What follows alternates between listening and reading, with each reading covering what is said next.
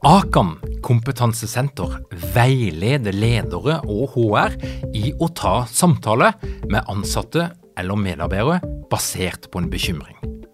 Akan setter ledere og medarbeidere i stand til å forebygge og håndtere en problematisk bruk av alkohol, narkotika, legemidler, spill eller doping blant ansatte. Ønsker du å lære mer om god forebygging og gjennomføring av samtale med en som du er bekymra for? Da kan du nå få tilgang på Akan sitt digitale samtalekurs til spesialpris, kun 760 kroner. Målet med kurset er å gjøre deg tryggere i det som kan være en krevende, men viktig samtale å ta i lederrollen. Du får tilgang til kurset med å gå til samtalekurs.no, samtalekurs.no, og bruke kampanjekoden LEDERPODDEN. Tilbudet gjelder ut april. Hei! Før episoden begynner, så må jeg gi deg ei lita oppdatering. Nå begynner det virkelig å nærme seg 2. mars og oppstarten av lederprogrammet 2021. Vi får daglige påmeldinger. Det er faktisk i ferd med å fylles opp, og det er ledere ifra alle mulige typer bransjer fra hele landet som har valgt å bli med. Og fellesnevneren for de alle sammen det er at de ønsker utvikling, de ønsker å lære noe nytt, de ønsker å bli oppdatert, de ønsker å bli inspirert, og de ønsker å stå så rusta som mulig for å håndtere de endringene som måtte komme i år og i det som vi har foran oss. Det er altså et digitalt lederprogram vi snakker om, der du får møtt ni av landets fremste eksperter på psykologi og ledelse. Vi er, er ganske langt framme i skoene når det gjelder digital læring, og vi legger til rette for at læring skal være sosialt, sånn at det er læringsgrupper og ulike typer arenaer. Og hvis du er nysgjerrig, så er det fremdeles noen ledige plasser, og du kan gå inn nå på lederprogrammet.no, lederprogrammet.no, hvis du har lyst til å bli med på dette her, som altså starter 2. mars.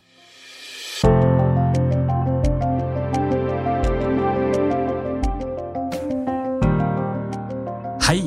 Og velkommen til Lederpodden.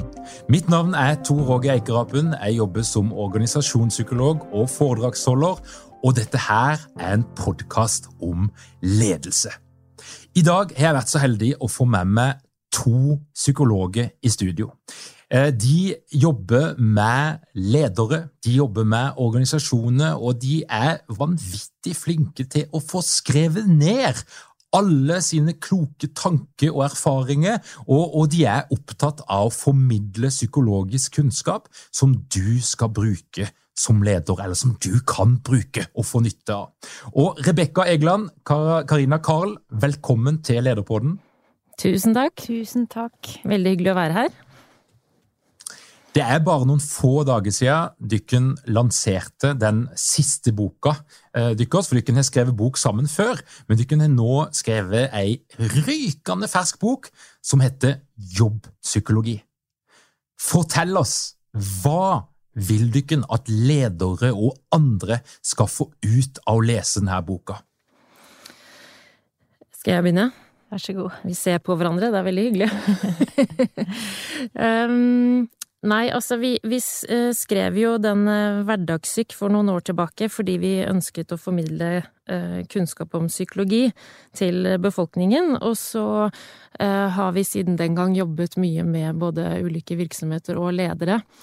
Og eh, skjønte ganske raskt at vi må jo formidle kunnskap også til arbeidslivet.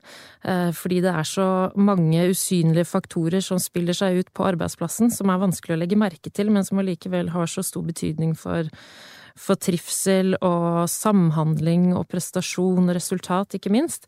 Så vi ønsket å, å belyse eh, de faktorene, sånn at eh, man eh, også har mulighet for å gjøre noe med det, da, og håndtere det på en god måte. Sånn at man ikke at det ikke fører til misforståelser og konflikt, hvilket ofte gjør det. Så det var liksom intensjonen vår. Og er, det, og er det ledere sliter med der ute? De kan jobbe jo begge to eh, som organisasjonspsykologer, de kan jobbe også klinisk. Du har lang erfaring som toppleder sjøl, Rebekka. Men, men hva, er det, eh, hva er det de kan oppleve at ledere syns er vanskelig? Hva er det de trenger hjelp til? Det kan være mange former for ut, utfordringer som, som, ledere har. Ledere er jo først og fremst mennesker. Og jeg vil også legge til det Rebekka sa, at ledelse er psykologi. Derfor er det så, grunn, så, avgjørende også å bringe inn grunnleggende kunnskap om hvorfor vi tenker og føler og handler som vi gjør, også i arbeidslivet. Både for medarbeidere, men også for ledere. Ledere er først og fremst mennesker. De har med seg sine erfaringer, de har sine eh, mønstre. og og eh, det kommer til uttrykk i form av utfordringer både eh, altså, interpersonelle, altså med seg selv, men også ut i virksomheten med de ansatte. Eh, det kan være mange ulike former for, for utfordringer, men, men det som er spesielt med å være leder, er jo nettopp at du har ansvaret for medarbeidere i tillegg, og derfor krever det en annen type bevissthet eh, i en sånn type rolle. Du legger noe til, Rebekka? Ja, så det er noe med det at vi har jo alle ulike virkelighetsforståelser.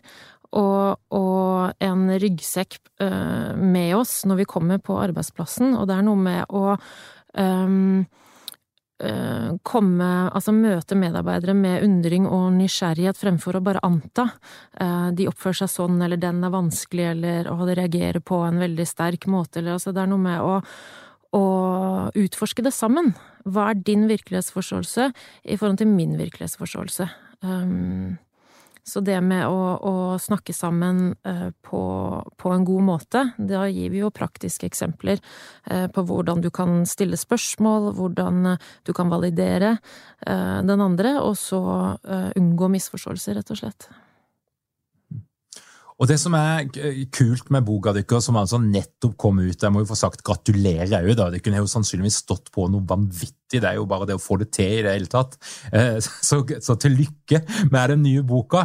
Og kan, eh, min opplevelse er jo at dere gi et vanvittig, en mangfoldig verktøykasse. Altså, Du kunne innom mange temaer, eh, og det er ikke nødvendigvis den, den sammensetninga som du får i en hvilken som helst bok om ledelse og, og psykologi. Og mm. du kunne jo da eh, blant annet et fokus på henne kommer vi ifra? Vil, vil, på hvilken måte påvirker din oppvekst Mm. Din relasjonshistorie, din barndom, hvordan mm. påvirker det deg som leder? Og Det er jo noe av den forskninga som Per Magnus Thomsen, blant annet, eh, som har vært innom her tidligere, han har gjort, vært godt innom dette her feltet. Mm. Men, men, fortell litt, hva, hva hvor, og, det, og det, Der starter dere. Hvorfor starter dere der? Vi starter vel egentlig med hjernen.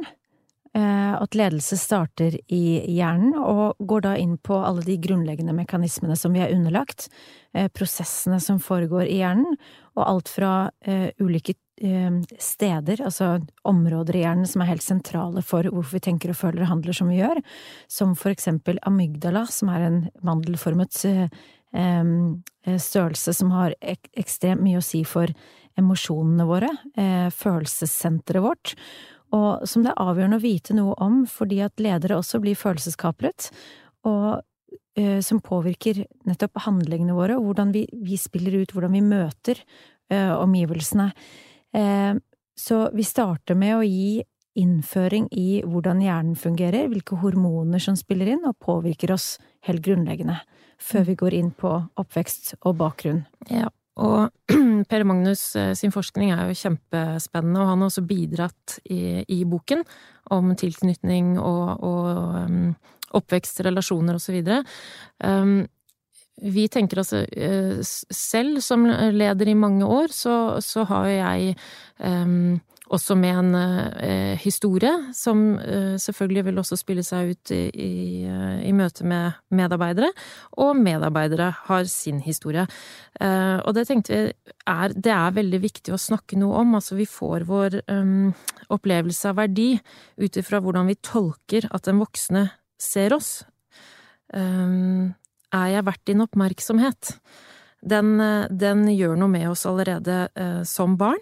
Og dersom vi er i tvil om det, om vi er gode nok, øh, har, har um, en berettiget øh, plass i fellesskapet og en tilhørighet, så kan vi øh, blir det fort til skam, da. Og det med skam, altså det å hemmeligholde, skjule, ikke vise hvem vi egentlig er, osv., det, det spiller seg ut på arbeidsplassen når vi blir voksne også, hvis ikke det er noe som er på en måte adressert og, og håndtert tidligere, da. Så, så, akkurat hans forskning er utrolig spennende og interessant og viktig å ha med en sånn lederbok som ikke fokuserer så mye på um, modeller og, og ledelsesteorier og sånt, men mer ja, vi tar rett og slett Vi er jo kliniske psykologer og organisasjonspsykologer, og da det kliniske er på en måte Da har vi individet, mens organisasjonen er virksomheten. Og det å samle de to, kombinere de to, eh, tror vi er viktig.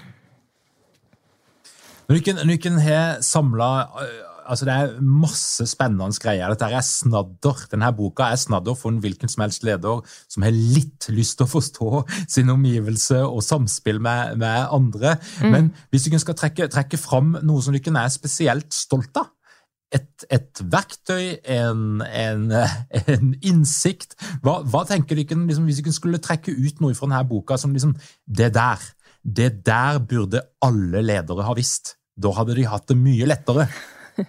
Jeg tenker at det handler mye om, eh, om eh, raushet. Vi trenger mer raushet på arbeidsplassen. Eh, å vite at når medarbeidere reagerer på veldig uhensiktsmessige, kanskje uforståelig sterke måter, at det er en årsak og en forklaring til det.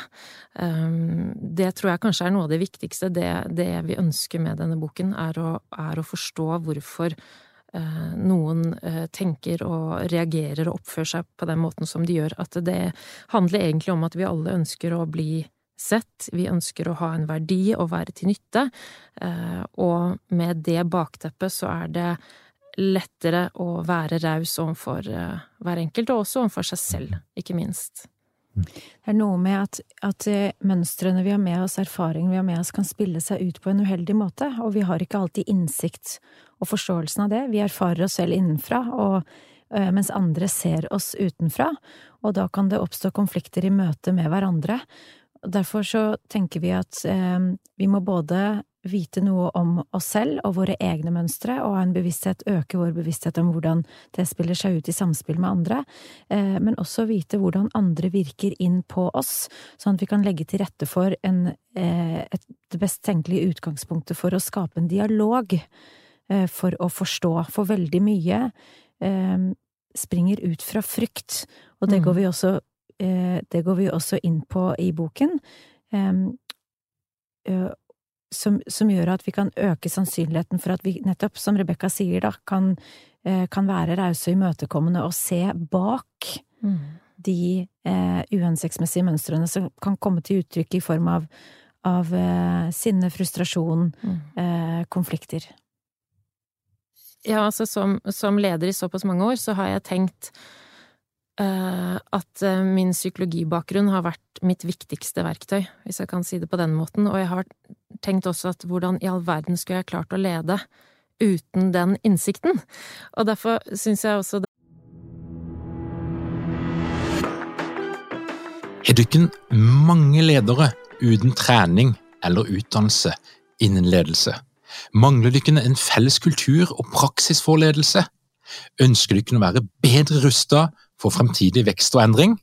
Da kan et internt lederutviklingsprogram være en god investering. I Execu så er vi eksperter på å designe og gjennomføre bedriftsinterne lederutviklingsprogram. Hvis du ønsker å lære mer om hvordan vi kan hjelpe dykken til å få enda bedre ledere, ta og klikk deg inn på execu.no.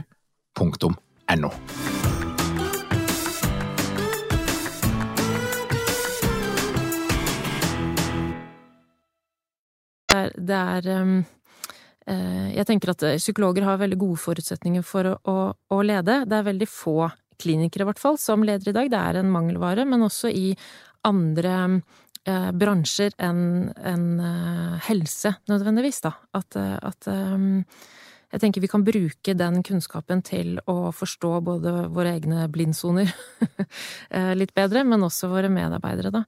Um, ja, vi trenger å møte hver enkelt medarbeider på forskjellige måter. Du kan ikke ha på en måte én lederstil overfor alle, og det krever um, både nysgjerrighet og undersøkelse og fleksibilitet, ikke minst. At du må, du må evne å, å være fleksibel. Enhver ny, ny dag er en ny måte å utforske på. Så sånn sett kan du si at det finnes ingen perfekt ledelse, for det forutsier altså at vi eh, mennesker er mer rasjonelle enn vi, vi eh, tror. Eh, vi er preget av følelser, og, og enhver ny jobbhverdag er heller ikke en gitt situasjon, da, så du må utforske, du må være nysgjerrig og, også faktisk være fleksibel. Og så er det ett begrep det, som du kan bruke en del, en del, plass på i denne boka, som er ekstra aktuelt nå. Og for det mange snakker om, når, eh, iallfall på Østlandet, så er det jo nå folk som har sittet snart et år på hjemmekontor. Mm. Og så gis det da stadig nye oppskrifter på hvordan skal du lede på avstand. Og, og et, et, noe som mange snakker om, det er jo nå må alle lære seg selvledelse.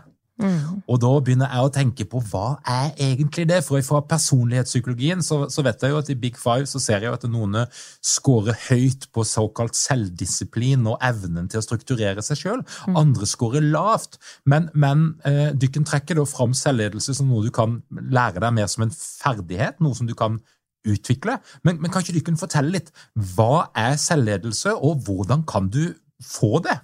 Mm. Det handler om en bevissthet. Det er mange former for uh, måter å forstå selvledelse, men det vi har tenkt, er at uh, ved å øke bevisstheten om, om, deg og hvordan du navigerer i livet, uh, så kan du også, i kombinasjon med noen verktøyer, øve deg i å guide deg selv på en måte som gjør at du har det godt, både med deg selv og med dine omgivelser, både privat og på jobben. Og vi tilbringer jo nettopp veldig mye tid på jobben og i samspill med eh, kollegaer der. Derfor er det så viktig å øke kunnskapen om, om psykologi generelt på, på arbeidsplassen. Og jeg, eh, i forlengelse av det, så tenker jeg at det er to ting. Det er liksom noen grunnleggende prinsipper som gjelder for de fleste. Og det er å, når man har hjemmekontor, det er å opprettholde hverdagslige rutiner. Altså det med å legge seg og stå opp til faste tider, regelmessige måltider, litt fysisk aktivitet hver dag, og gjerne ut i frisk luft. Det er liksom eh, generelle råd man kan gi til samtlige. Eh, men når det gjelder det å, å trives eh, på hjemmekontor eh, og lede seg selv, så er det veldig forskjellig. Noen klarer det helt fint og vil bare ha full tillit og håndtere det på, på sin måte, mens andre trenger mer oppfølging. Så jeg tenker det ledere må gjøre nå, de må ikke være redde for å ta kontakt, og gjerne tettere, hyppig kontakt. Og da må de spørre hva trenger du fra meg nå, hvordan kan jeg være en god leder for deg i denne perioden? Så istedenfor å anta eller behandle alle likt, så må man tilpasse det til hver enkelt. Noen trenger frihet til å jobbe intensivt og effektivt et par timer, og så gå tur eller handle eller sette på en vask, mens andre eh, trenger noe helt annet for å fungere bra. Og, og, det må du utforske, det må du sjekke ut, og du må spørre. Og der er det heller ingenting som er riktig eller galt, altså i, i, forhold til hvordan vi fungerer. Det er så viktig å legge til det, eh, men at vi kan lære å øve og uh, få innsikt i hvordan vi fungerer, som gjør det lettere for oss både å be om det vi trenger fra omgivelsene, eh, la oss lede og guide, men også å guide og lede oss selv. Altså, og helt konkret så er det jo dette med team og Zoom-møter og så videre, mm. at vi klarer ikke å fokusere eh, og være oppmerksom og få med oss alt på samme måte som når vi, når vi møtes fysisk, med mer eh, tilstedeværelse. Så det er noe med det å kanskje ha eh, heller korte, men hyppige sesjoner, og ikke over for lang tid. Vi trenger de der små pausene. Det merker jeg selv også. jeg, jeg jeg kan følge med eh, over kortere tid, eh, og så må jeg ha de der små pausene og gjerne gå tur og så videre, for ellers så, så soner jeg ut og får det ikke med meg. og jeg tror ikke jeg er alene om det. Ja, det tror ikke jeg heller. Og jeg tror det er mange som kjenner på den digitale slitasjen. For det er jo noe med den der skjermen som bare suger oss inn. Den er litt vanskelig å komme seg vekk ifra, altså. Ja, det tapper energi. Absolutt. Mm. Absolutt. Derfor er det viktig å ha da rutiner, spesielt i disse tider, som handler om å bryte. Mm. Og koble seg på omgivelsene mm. og komme seg ut, og, og gjerne kanskje være ekstra oppmerksom på å, å, ta pauser, fordi at man får ikke de naturlige avbrytelsene som en hverdag på kontoret gir. Man får ikke den spontane interaksjonen heller mm. i møte med kaffemaskinen, eller eh, på vei fra et møte til et annet. Eh, og, og, den kontakten der kan være en, veldig energitappende for noen, og for andre så gir det eh, et frirom og mer space og, og, og overskudd og sitte mer skjermet og, og vernet. Mm. Og da er vi igjen inne på det å, å, bli bevisst på hvordan fungerer jeg, og hva trenger jeg for å ha det godt. Og nå kommer det jo en del forskning på disse tingene, og, og den nye normalen, sånn som det ser ut nå, så tenker jeg det er den kombinasjonen. Eh, en viss type arbeid er fint å gjøre på hjemmekontor, altså mer konsentrasjonsarbeid som krever en viss form for oppmerksomhet, mens arbeidsplassen, den fysiske arbeidsplassen, blir en form for møteplass. Vi trenger også de møtene over kaffemaskinen, eller altså det å føle tilhørighet og et fellesskap og se andre mennesker. Da er vi til stede på en helt annen måte, da. Uh, balanse, det er liksom konklusjonen mm. på egentlig det meste i livet. Balanse, rett og slett. Mm. Og eh, Boka deres jobbpsykologi den har eh, undertittelen 'Kunnskap, trygghet og mot til å lede seg sjøl og andre'. Og eh, Jeg anbefaler jo alle å anskaffe seg boka, som altså nettopp kom ut. Men eh, Karina og Rebekka, dere avslutningsvis skal gi liksom den bitte lille setninga, eh, det lille rådet til ledere som sitter der ute. De er kanskje frustrert, de, de, de jobber i en form for uforutsigbarhet pga. koronaen og alt det gjør med oss, avstand. Det er mange frustrasjoner der ute akkurat nå, men hvis du ikke skal gi et bitte lite råd til å få det litt bedre med seg sjøl og sin egen ledelse, hva skal det være? Fokusere på hva man får til, eh, eh, det man mestrer skru forventningene ned i en unntakstilstand som er veldig, veldig krevende, og tenke på hvem ønsker jeg å være, hva er mine styrker og kvaliteter, eller hva er de styrkene og kvalitetene jeg ønsker å utvikle og vise, hvem ønsker jeg å være i dette, og hva kan jeg fokusere på, fordi vi kan ikke være alt, og heller ikke for alle. Eh, og det er jo det vi gjør mye ut av i boken, at det finnes ingen bestemt måte å være leder på, men hvem ønsker du å være? Hva er det du ønsker å bidra med? Mm. Og så tenker jeg det, Karina sier her, er på en måte en ramme av selvomsorg.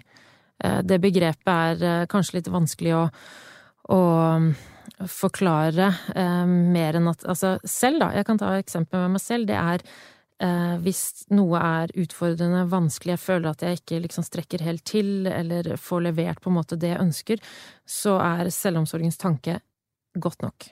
Du gjør så godt du kan, det er alltid godt nok. Og, og den rausheten da du viser overfor deg selv, det er også noe du kan um, formidle videre til eh, medarbeiderne dine. Det er lov å, å synes at dette er tøft, det syns de fleste. Vi er lei, eh, inkludert meg selv. Vi har lyst til å komme tilbake til normalen og se andre mennesker. Men hva kan vi da gjøre noe med, til tross for det som er, og der tenker jeg selvomsorgen er veldig fin. Eh, for min egen del så går jeg lange turer midt på dagen med hunden min, og det gir meg masse energi og overskudd, og det er det som på en måte hjelper meg. Så hva kan du gjøre som er godt for deg akkurat nå, til tross for den situasjonen vi står i?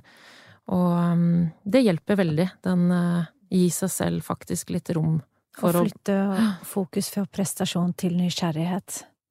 Utforske, oppdage, utvikle. Du kan ikke be oss om ett råd og tips, vet du, Tor Åge. Klarer ikke å stoppe. Der er det masse, men jeg koker det ned til raushet ja. overfor de menneskene du har rundt deg.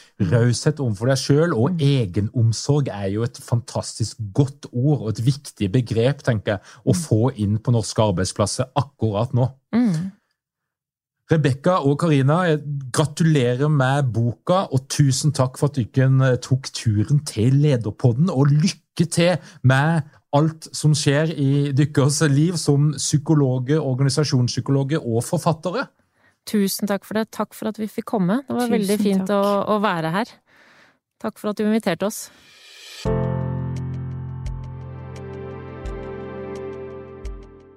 Åh, ta med lederpoden på tur. Jeg hører jo på deg når jeg går tur med Jeg har jo en engelsk setter, ikke sant. Det krever masse Eller han, han må gå i hvert fall to timer hver dag. Det er fantastisk å ha deg på øret. Mm. Og da, ikke sant, med hjemmekontor så har man ofte mulighet til å gå når det er eh, solen er oppe og ikke sant, i disse mørke tider. Det, jeg har veldig tro på det. Å bruke naturen. Folkens, takk for at du hører på Lederpodden. Dykken vet at ved å gå inn på lederpodden.no, så kan du legge igjen e-postadressen din. Da vil du bli orientert om alt det vi finner på.